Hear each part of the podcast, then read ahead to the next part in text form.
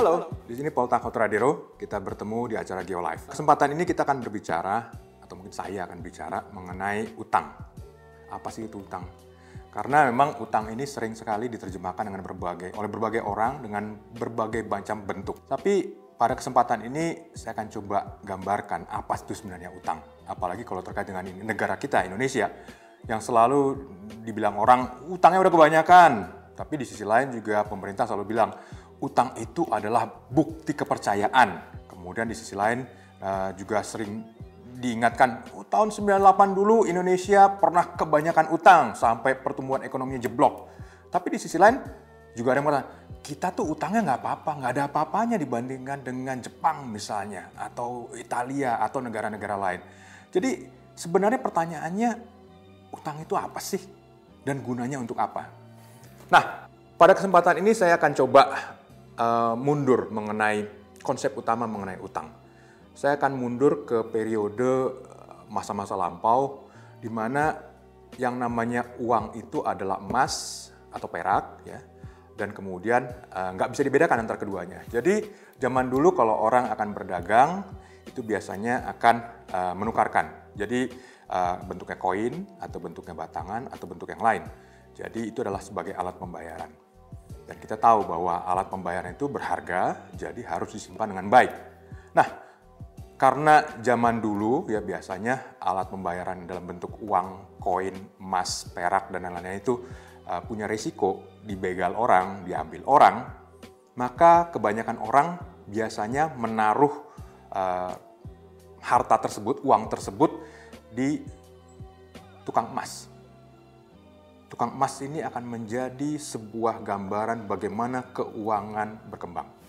Nanti kita akan sampai ke bagian hutang. Jadi, misalnya saya menempatkan uang saya di tukang emas. Tukang emas tentu dia punya lemari besi, dia punya penjaga, nah namanya juga kerjanya bikin emas ya, perhiasan dan lain-lainnya. Jadi selalu punya perlengkapan untuk menjaga supaya jangan sampai dibegal orang. Ya pasti lebih aman lah dibandingkan di rumah saya sendiri. Nah dari situ biasanya tukang emas akan menuliskan tanda terima. Telah diterima dari Polta Kotradiro misalnya. Ya. Emas seberat 300 gram. Oke. Tujuannya apa? Kalau nanti suatu saat saya perlu, kan saya simpen kan, suatu saat saya perlu, saya bisa datang ngambil lagi, eh emas yang mana? Oh 300 gram, gak apa-apa, diambil lagi. Nah jadi dengan cara seperti itu, harta saya berbentuk uang, emas, perak, dan lain-lain disimpan di tukang emas. Saya terima risipnya, eh, tanda buktinya. Tanda bukti ini menjadi praktis. Kenapa? Karena ini bisa saya bawa ke mana-mana.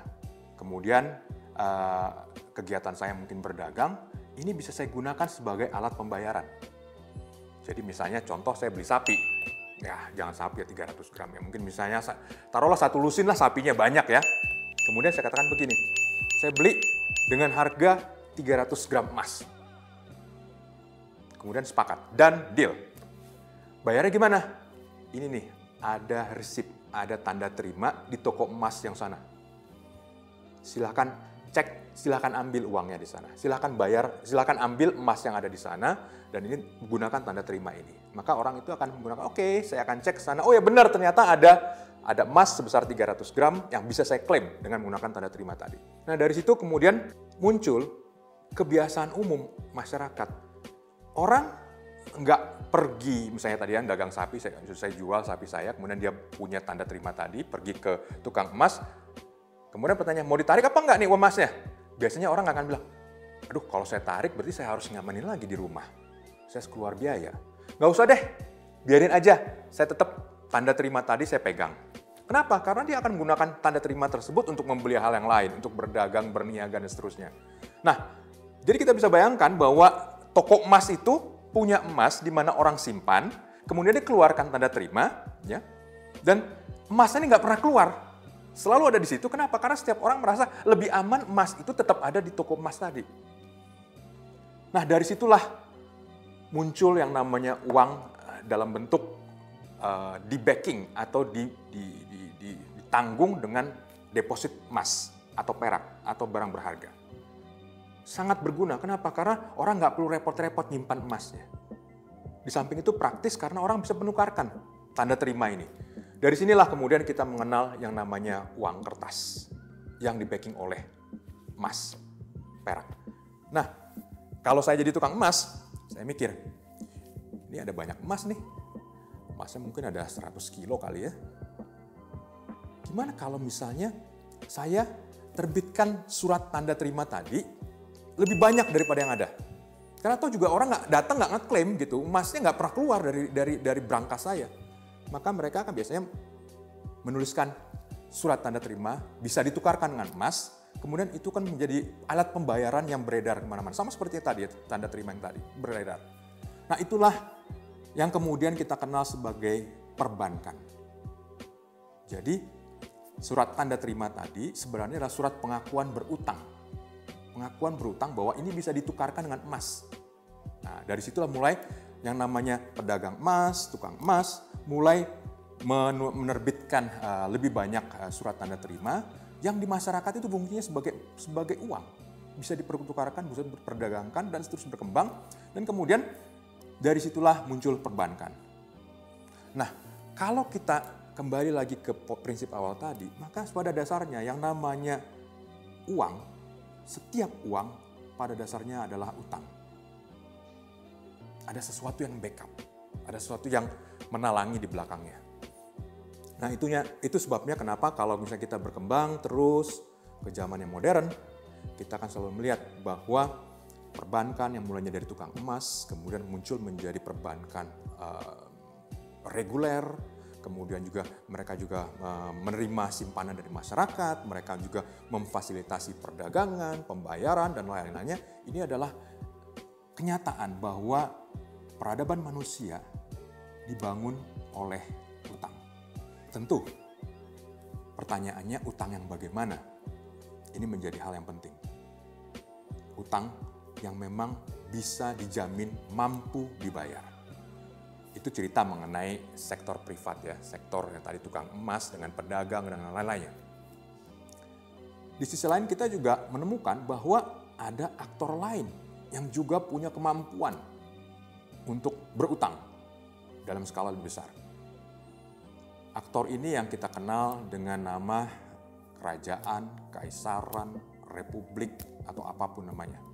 Biasanya aktor-aktor level negara ini pinjam uang untuk satu hal, yaitu pergi perang.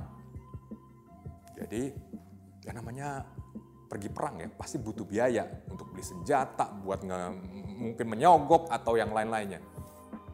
Jadi mereka biasa melakukan raising fund, penggalangan dana dengan cara, oke, okay, bayar pinjamin saya uang, saya akan pergi perang. Nanti kalau misalnya perang ini sukses, saya dapat jarahan, uang Anda kembali.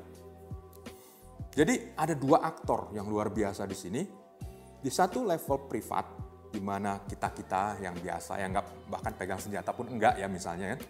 Tetapi kita melakukan perdagangan, perniagaan, pertukaran dan seterusnya. Dan aktor di atas itu, yaitu level negara, yang memang punya kemampuan buat enforcing. Mereka punya kemampuan untuk um, megang senjata.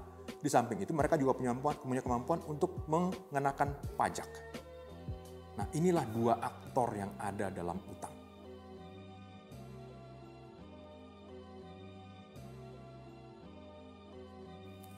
Kembali tadi ya, kalau misalnya level negara menggalang utang, berutang, kemudian pergi perang, kira-kira hasilnya apakah negara selalu menang?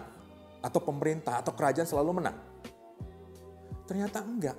Ya tentu pasti ada juga yang kalah, yang namanya juga perang kan, ada yang menang, ada yang kalah gitu kan. Nah ini menjadi masalah karena boleh dikatakan pemerintahlah level atau pemerintah atau kerajaan adalah peristiwa di mana terjadi pengemplangan utang besar-besaran. Jadi kalau misalnya di level uh, kita masyarakat umum uh, tukang emas atau ya tadi ya tukang mungkin pegadaian kecil-kecilan seperti itu biasanya akan bisa memegang janji lebih jelas. Kenapa ya? Itu hartanya di situ dia nggak akan ke mana-mana. Tetapi kalau di level pemerintah itu bisa ada ada ada risiko di mana uh, pemerintah nggak mau bayar atau nggak sanggup bayar karena apa? Kalah perang misalnya. Nah ini yang menjadi menjadi ekstrim di dalam uh, peradaban karena dari peristiwa ini pun kemudian kita mengenal demokrasi. Pasti pada kok tiba-tiba jadi loncat ke demokrasi. Peristiwa ini dimulai dari ketika uh, di Inggris ada King John yang hobinya bikin perang ya sama lah ya berperang dengan negara lain karena ingin dapat pampasan dan lain-lainnya. Sedemikian seringnya berperang dan ternyata nggak selalu menang ya. Sehingga King John ini punya kesulitan untuk pembayaran. Bagaimana caranya King John dari Inggris ini bisa mendapat pembayaran? Ya mau nggak mau dengan mengenakan pajak.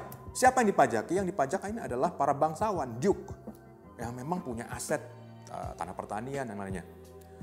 Sekali dua kali mungkin masih diterima oleh para bangsawan. Tetapi kalau kalah kalah melulu, kemudian ngutang melulu, nggak bayar melulu, akan jadi kayak gimana? Nah dari sinilah muncul pemberontakan para bangsawan. Pemberontakan bangsawan makanya kan eh kalau mau bikin perang harus berdasarkan izin kita semua nih para bangsawan. Ya namanya uh, King John yang kalah perang dan kemudian posisinya terdesak, mau nggak mau harus nurut dari situlah kita mengenal piagam Magna Carta, di mana yang namanya pemerintah tidak bisa sembarangan berutang, harus berdasarkan parlemen, karena tadi para bangsawan tadi itu adalah yang menjadi parlemen pertama di dunia, parlemen modern. Di Inggris disebut sebagai House of Lords, jadi isinya para bangsawan.